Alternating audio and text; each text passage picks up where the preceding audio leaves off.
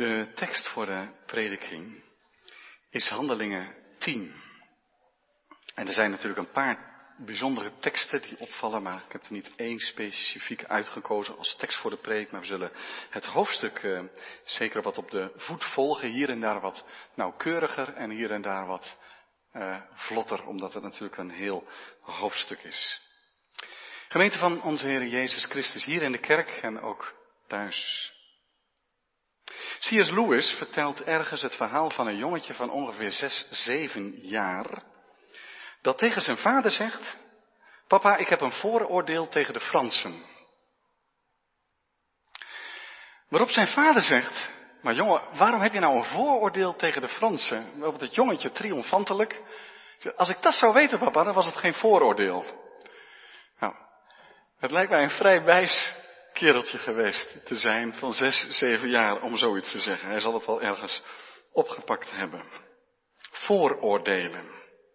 Is dat je bij voorbaat een oordeel over iemand klaar hebt. Niet gegrond op feiten,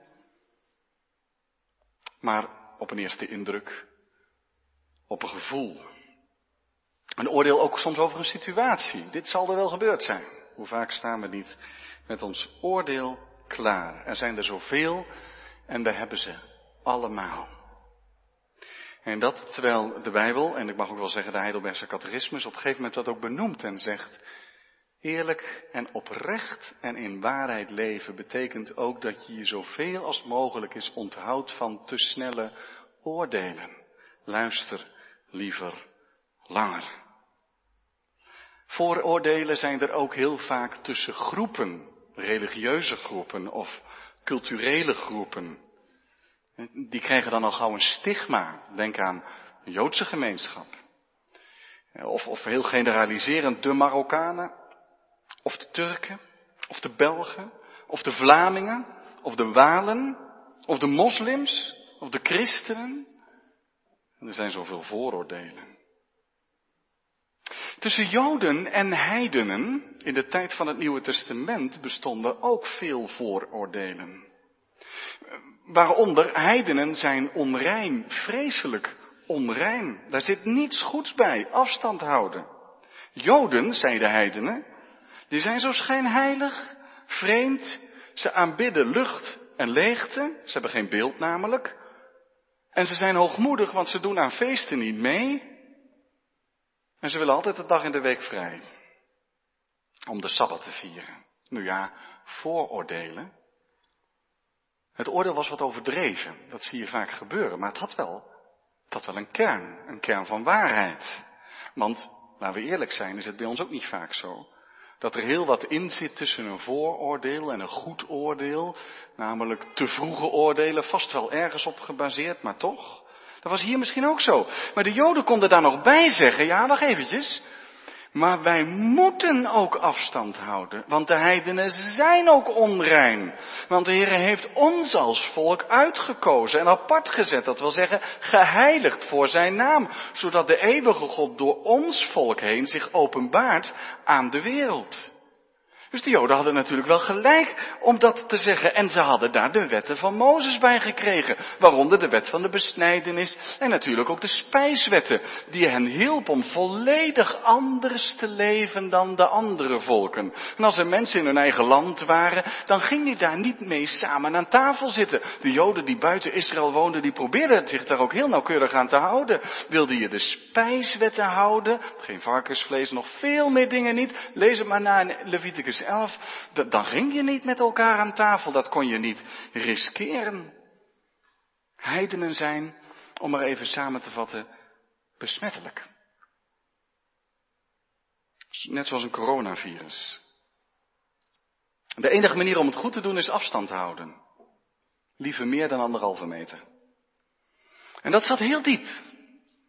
Dus voor ons Heel moeilijk voor te stellen hoe diep dat is. We kennen natuurlijk een Joodse gemeenschap die behoorlijk in afzondering leeft. We kennen de geslotenheid, de culturele geslotenheid van geloofsgroepen die zeggen, we blijven toch echt op onszelf. Maar let maar eens op Petrus. Hij weet immers dat ook de heidenen hun knieën zullen gaan buigen voor de naam van Jezus. Dat weet hij, daar ziet hij naar uit.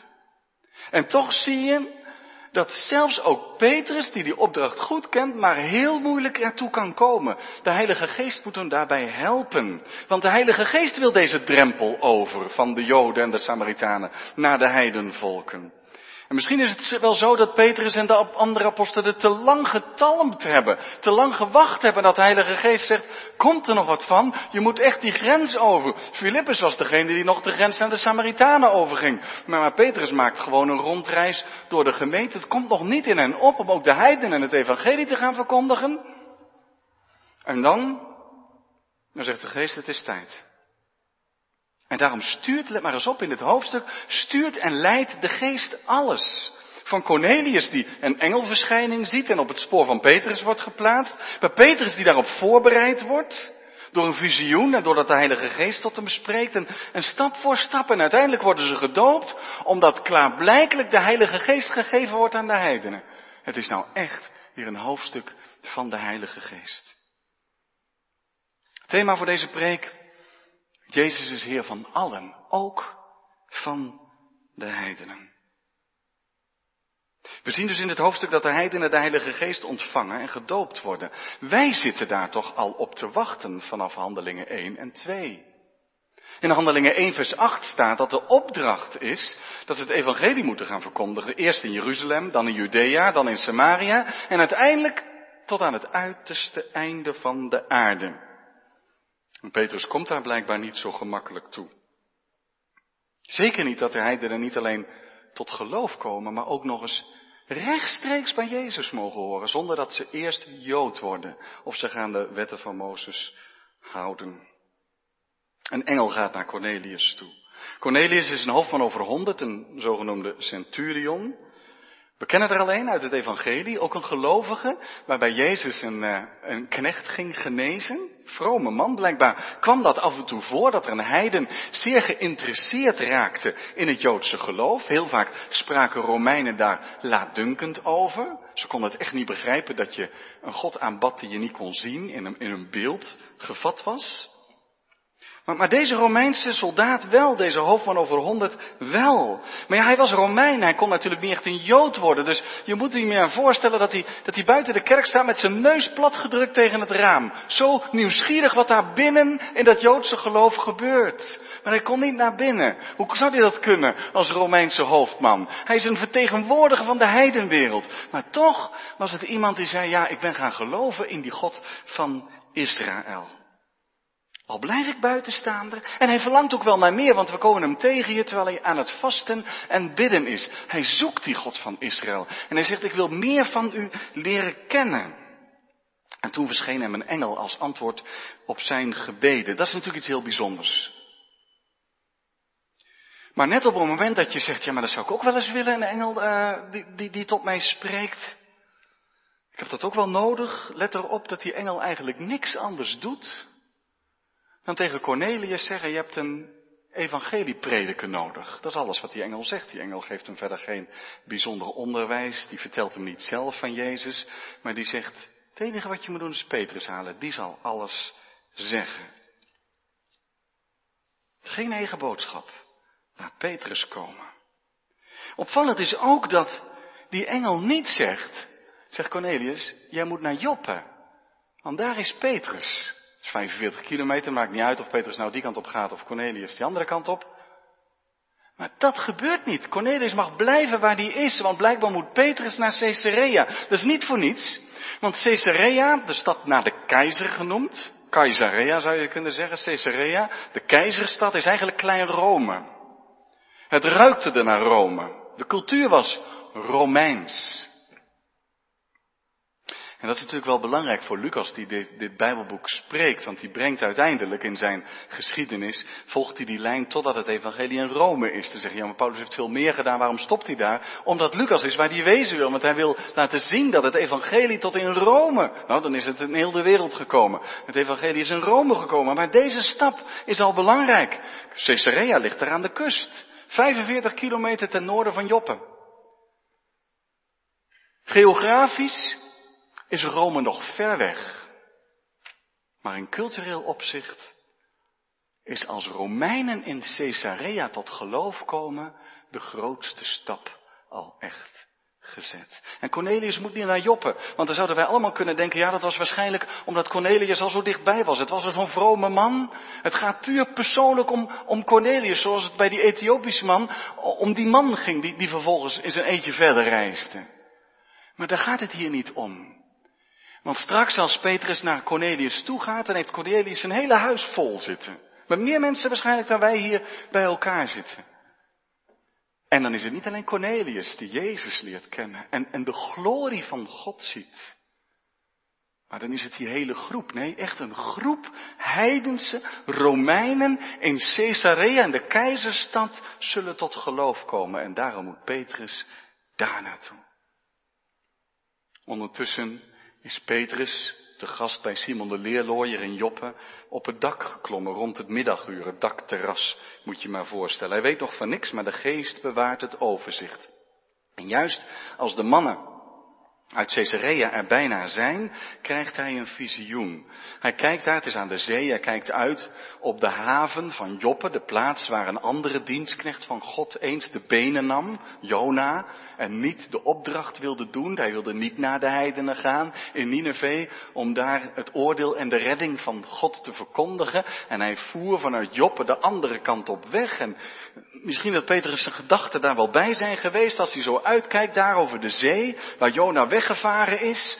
Maar dan vervaagt de zee en vervaagt de haven en krijgt hij een soort gezicht waarbij heus zijn verstand en een onderscheidingsvermogen niet uitgeschakeld is. Maar je ziet daar een immens groot laken neerdalen. Een soort van laken, aan vier hoeken vastgebonden, daalt naar beneden en kijk, wat zit daarin? En dan staat er, je kunt het niet tellen, maar alle viervoetige dieren, die zitten er in het krioelt van leven. Je kunt het moeilijk tekenen. Het moet enorm geweest zijn. En, en Petrus die ziet dat, eh, allerlei soorten van dieren. Hij kijkt daar natuurlijk als een Joodse man naar. Met Leviticus 11 en alle discussies over de spijswetten in zijn gedachten. En hij schrikt direct terug. Het is een beetje raar. Rein en onrein allemaal door elkaar. En dan klinkt die stem waarvan hij wel weet, die komt uit de hemel. Petrus, sta op, slacht en eet. En hoeft Petrus niet na te denken. Heel intuïtief. Het zit in hem. Zegt hij, dat kan niet, nooit. Dat zal ik nooit doen. Als Jood deinst hij terug. Dat is rein en onrein door elkaar. Dat kan niet. En hij zegt, de Heer, dat zal ik niet doen. Heb ik nog nooit gedaan. Ga ik niet doen ook. Kan niet en het mag niet. Maar de Heer draagt het op. En hij heeft de spijswetten gegeven. Is dat niet een beetje lastig? Nee, toch niet? De Heer spreekt zichzelf niet tegen. Ik weet dat Tom Wright het is, die heeft daar een prachtig voorbeeld voor. Net als een moeder zichzelf niet tegenspreekt als ze al aan de overkant van de straat is en tegen een kind zegt, wacht, wacht, er komt een auto aan, niet oversteken. En een halve minuut later zegt ze, oversteken. Spreekt ze zichzelf tegen? Nee, de situatie is veranderd, de tijden zijn veranderd, ze spreekt zich helemaal niet tegen. En zo is bij onze God ook. Hij heeft zijn spijswetten gegeven voor het volk Israël, omdat ze in het Oude Testament afgezonderd van de rest moesten leven. Ze zouden voorbereid zijn als een licht voor de volken. Maar dat mag Israël nog steeds zijn. Maar de tussenmuur van Jood en Heide is door Jezus Christus wel weggenomen. En door de geest wordt dat duidelijk. Hij heeft zijn spijswetten gegeven om Israël te helpen om bij de heidenen vandaan te blijven. Maar nu is de nieuwe tijd aangebroken. Zoals in vers 15 gezegd wordt, door de Heer kwam opnieuw voor de tweede keer een stem tot hem. Wat God gereinigd heeft, mag u niet voor onheilig houden. Kijk, Petrus snapt daar helemaal niks van. Die zegt, ja maar ik heb er altijd bij geleefd. En nu zegt God, maar Petrus, er komt een nieuwe tijd. En nu heb ik het gereinigd. En dan mag jij je handen er niet van aftrekken. Je mag geen afstand houden als ik de deur openzet. En als ik de drempel weghaal, mag jij niet aarzelen om er overheen te gaan. En dat is altijd Gods bedoeling geweest. En Petrus aarzelt, we kunnen dat begrijpen. En als dat drie keer gebeurd is en drie keer is hij teruggeschrokken, dan is het visioen weg. En dan, dan, zit hij daar, ja, toch wel wat verbijsterd. Wat is dit? Is het echt wat ik gezien heb? Ja. Maar wat, wat wil de Heere God er nou mee zeggen? En hij weet dat niet en hij denkt daarover. Totdat de geest weer leiding geeft. En tot in zijn hart spreekt. En zegt, Petrus, er staan mannen aan de deur. Ga maar. En twijfel niet om met ze mee te gaan. Ah.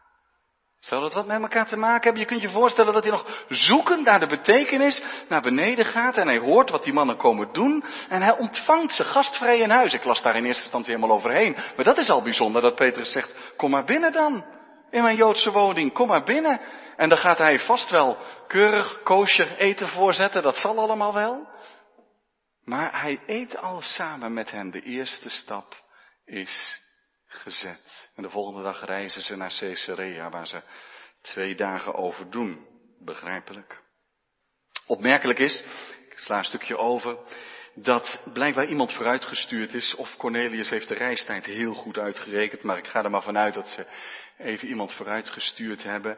En, en, dan is zo opmerkelijk wat Cornelius doet. Die zegt, oh, dit is geweldig, nu, nu, nu, die engel heeft dat gezegd en Petrus, de apostel, komt. Het is een ongelooflijk belangrijke dag in mijn leven. En wat doet hij? Hij houdt dat niet voor zichzelf. Hij gaat naar zijn, uh, zijn familieleden toe, die had hij blijkbaar meegenomen, zijn gezin en verdere familie. Jullie moeten echt komen, dit is voor mij zo belangrijk en jullie moeten het ook weten. Dit is echt ook voor jullie belangrijk. En hij gaat naar zijn vrienden.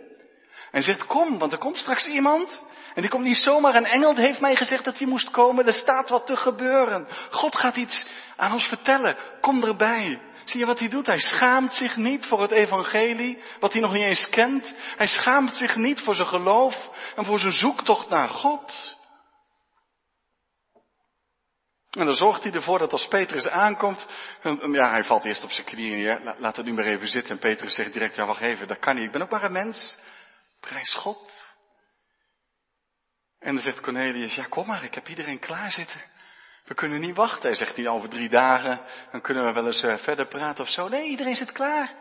Kom maar verder. En Petrus komt eigenlijk zo een samenkomst binnen. En dan zegt Cornelius, dat is wel heel bijzonder. Kijk, u heeft wel bij de schriftlezing gemerkt dat er af en toe wat herhalingen zitten. Typisch de vertelstijl van Lucas. Cornelius heeft verteld aan de mensen en aan Petrus waarom hij hem uitgenodigd heeft. En dan zegt hij aan het einde van vers 33, let op. Wij zijn dan nu allen hier aanwezig in de tegenwoordigheid van God. Om alles te horen wat u door God bevolen is. Wij zijn hier in de tegenwoordigheid van God, zegt Cornelius. Die man die weet nog weinig van het geloof, van het christelijk geloof nog helemaal niks. En wat een voorbeeld is deze man voor ons. We zijn in de tegenwoordigheid van God. Is dat niet wat dit ook is, wat wij beleven vanmiddag? Heb u daar geen last van? Dat je vaak denkt van ja, dit is allemaal zo menselijk. Hè? Je kiest, ik ga naar de kerk of niet. Ik luister thuis, ik luister thuis mee of niet. We kiezen wat. Wij zijn geïnteresseerd of niet. Uh, u heeft geen visioen gezien, ga ik even van uit voordat u naar de kerk kwam. En er stond geen engel opeens voor uw neus om te zeggen dat u naar de kerk moest. Nee, dat is ook wel begrijpelijk, want die had u blijkbaar niet nodig. U zit hier. Misschien wel een engel in de vorm van een mens die zei, kom we gaan. Dat kan wel. Maar het is niet minder waar. Beseffen we dat ook, dat wij hier in de tegenwoordigheid van God zijn. Dat God door zijn woord ook de dag van vandaag spreekt. Zijn kerk vertroost. Dat Jezus gezegd heeft, waar twee of drie in mijn naam samen zijn, daar ben ik in het midden. De Heilige Geest is hier. Om zijn gelovigen te sterken. Om zijn kinderen te voeden. Om zijn schapen te weiden als de goede herder. We zijn hier in de tegenwoordigheid van God, zegt Cornelius. We luisteren. En ik denk dat er nog nooit zo'n aandachtig gehoor voor een preek geweest is, hoewel ik ook niet te klaar heb hoor, begrijp me goed. Maar zo'n aandachtig gehoor als daar in die zaal, waarin iedereen zegt, wat zullen wij als uit Gods mond horen? En dan gaat Petrus spreken. Je vindt het in vers 36 tot en met 43. Ik ga daar niet zoveel over zeggen. Er is natuurlijk veel studie naar gedaan van hoe kiest hij zijn woord en hoe heeft Lucas dat verwoord. Dan Petrus zal misschien langer gesproken hebben. Maar dit is duidelijk. Hij vertelt over Jezus. En over hoe God hem gegeven heeft. En zijn leven, dat hij mensen genas. En het koninkrijk van God present stelde. Maar dat hij verworpen is en gekruisigd is. Ze hebben hem aan een hout gehangen. Maar dat hij de dood heeft overwonnen en leeft. En dat de toekomst in zijn handen heeft. Want God heeft hem als een rechter over levenden en doden aangesteld. En tegen Cornelius, die vertrouwd is met het Joodse geloof, zegt hij nog bij, daar hebben de profeten in het Oude Testament over gesproken. Die heeft u gelezen. En dat alles wat u gelezen heeft, dat gaat in vervulling door Jezus Christus. En dan was hij nog maar net begonnen. Lees ik in hoofdstuk 11, vers 15. Daar komen we de volgende keer op. Daar staat, en toen ik begon te spreken, vertelt Petrus, dan toen ik begon te spreken, viel de Heilige Geest op hem. Want dat is wat er gebeurt. Hij was nog niet zo lang bezig, of de naam van de Heere Jezus klonk. En het evangelie werd opengelegd. En toen werden de mensen die daar waren zo vervuld met een onuitsprekelijke blijdschap. Het gaat zo door de mensen heen dat Petrus ervan stilvalt, dat hij niet door kan spreken. Ze blijven ook niet stil meer. De vreugde van de geest daalt tot in de harten van de mensen. Het wonder, ja, wou u dat verklaren? Het zit hem in de boodschap, de wonderlijke boodschap van de Heer Jezus.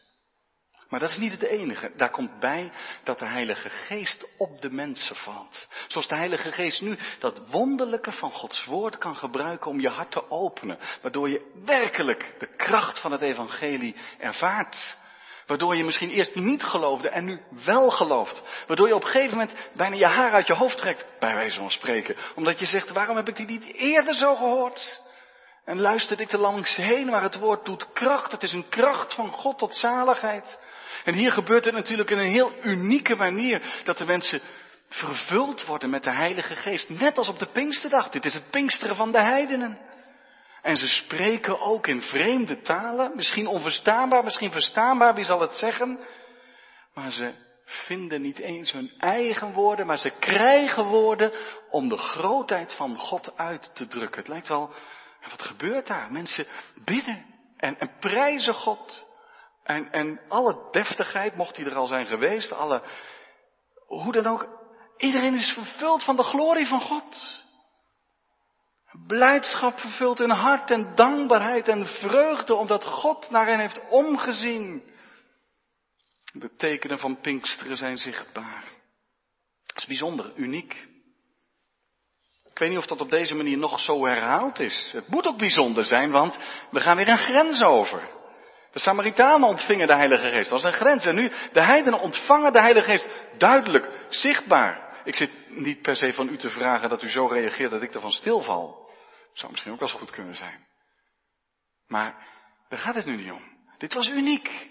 Je zou kunnen zeggen, eenmalig. Meestal, in handelingen zie je dat mensen eerst gedoopt worden en dan de Heilige Geest ontvangen. Maar hier is het andersom. Dat is ook opmerkelijk. Wie heel makkelijk orde wil aanbrengen in, oh als de geest werkt dan gaat het zus en zo, moet altijd voorzichtig zijn. Heilige Geest kan het ook anders leiden. Waarom viel hij hier eerst op de mensen, werden ze dan pas gedoopt, omdat ze anders waarschijnlijk nooit gedoopt waren geworden? Dan hadden ze gezegd, ja, ja, ja, ze zijn wel tot geloof gekomen, maar uh, ze zeggen dat ze geloven, ja. Maar dan moeten ze eerst maar Jood worden. En dan zien we daarna verder. Maar nu de Heilige Geest op hen valt, zegt Petrus, kordaat als hij is, wie kan nu nog het water weren? Ze moet ook gedoopt.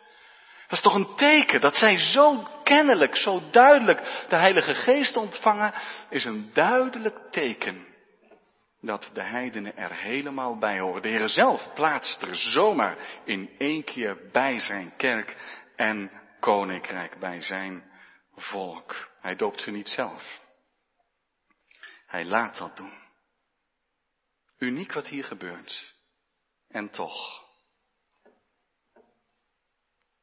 Ik heb een paar mensen onder u zien kijken tijdens het luisteren op een manier dat ik dacht, u begrijpt waar ik het hier over heb. U begrijpt het. Nee, we hebben dat misschien niet zo meegemaakt. Zo'n heel bijzonder moment. maar dat je toch begrijpt wat het is om de Heilige Geest te ontvangen. Om te begrijpen wat het is. Nee, dat hoeft niet altijd zo krachtig, zo heel bijzonder te zijn, maar toch dat je hart open gaat bij het evangelie van Jezus Christus. En dat je er de waarheid in proeft en je zegt eigenlijk tegen jezelf, dat kan ik er niet bij verzinnen. Heb ik niet zelf erbij verzonnen. Dat is iets dat overkomt mij. Dat is uh, vinden zonder dat je zoekt. Ja, je hebt ook misschien wel gezocht, maar er zit ook altijd iets in van vinden zonder dat je zoekt. Een macht, een kracht die sterker is dan jij. Dat je hart omgaat, ingewonnen wordt door die hemelse fluisteraar. Zo zegt John Stott dat zo mooi in zijn boekje Waarom ben ik een christen? Dat hij die hemelse fluisteraar, die je niet kan narekenen, maar die aan je trekt en influistert en met je bezig is, waardoor je uiteindelijk de streep overgaat, die grens overgaat en zegt, ja, nu geloof ik echt ook dat Jezus de Heer is. En dat wat daar gebeurd is, daar en toen, op die kruisheuvel van Golgotha, dat dat vele malen belangrijker is dan welke presidentsverkiezing of historische gebeurtenis, maar dat daar God zichzelf heeft laten zien in al die zwakte, tegelijk in volle glorie.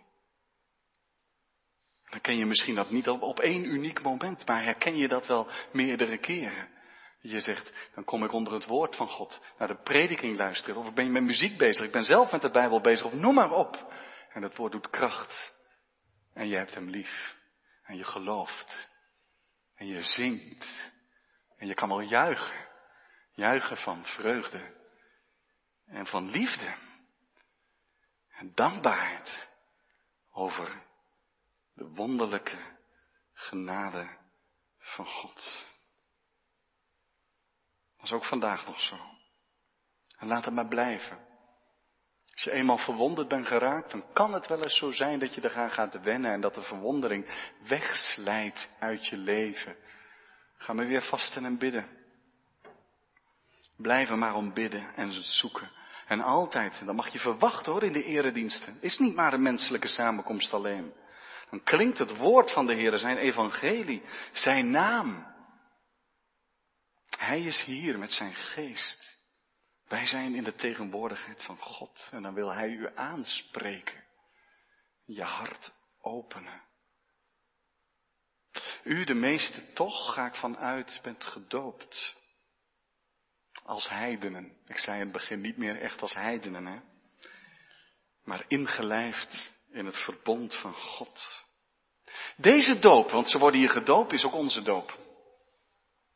Wat betekent de doop?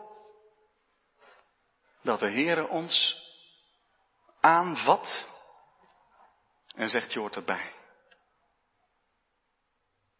Dat de Heer ons erbij plaatst. In Jezus naam. Zo waar en zeker. Dat Hij je heiligt en zegt nu zonder ik je af van deze wereld. Om tot mijn volk te horen. Dat je hoort bij de God van Israël die zijn Messias gaf. Die het heil, het behoud ook aan de volken gaf. Je hoort nu bij Jezus Christus. Omdat je Hem beleidt. Je hoort bij zijn dood en opstanding zo dat je zelf sterft aan je oude leven en opstaat met Hem in een nieuw leven. Dat is toch de doop, niets minder dan dat. Ben je dankbaar voor de doop? Wat moet dat zijn? Waar hebben wij het aan verdiend? Dat God in zijn genade naar ons omzag. Of we nu als volwassenen gedoopt zijn, dat we later pas door Gods genade tot geloof gekomen zijn. Of dat we als kind al bij God gebracht zijn. Ik weet ook wel, ik zeg dat in een land waarin 60% van de mensen als kind gedoopt wordt. Uit diep geloof was het maar zo. En het is iets groots. Maar voor velen is het cultuur, niet meer dan dat of traditie. Het zou zoveel meer moeten zijn. Dat een kind wat gedoopt wordt ook werkelijk onderwezen wordt van jongs af aan. Nauwgezet onderwezen wordt in het evangelie van Jezus Christus. Totdat hij het zelf omarmt en zegt, ik ken dat ook van de Heilige Geest. Ik heb ook de Heer lief gekregen en ik wil zijn naam beleiden. Oh, laat de doop niet uitgesleten zijn. Sta er weer bij stil. Het betekent iets. Het betekent zoveel, misschien wel meer dan we ooit beseft hebben. Het betekent dat wij mogen zeggen, Hij is ook onze Heer. Deze is Heere van allen, ook van de heidenen. Ook van ons. Ook van ons. Amen.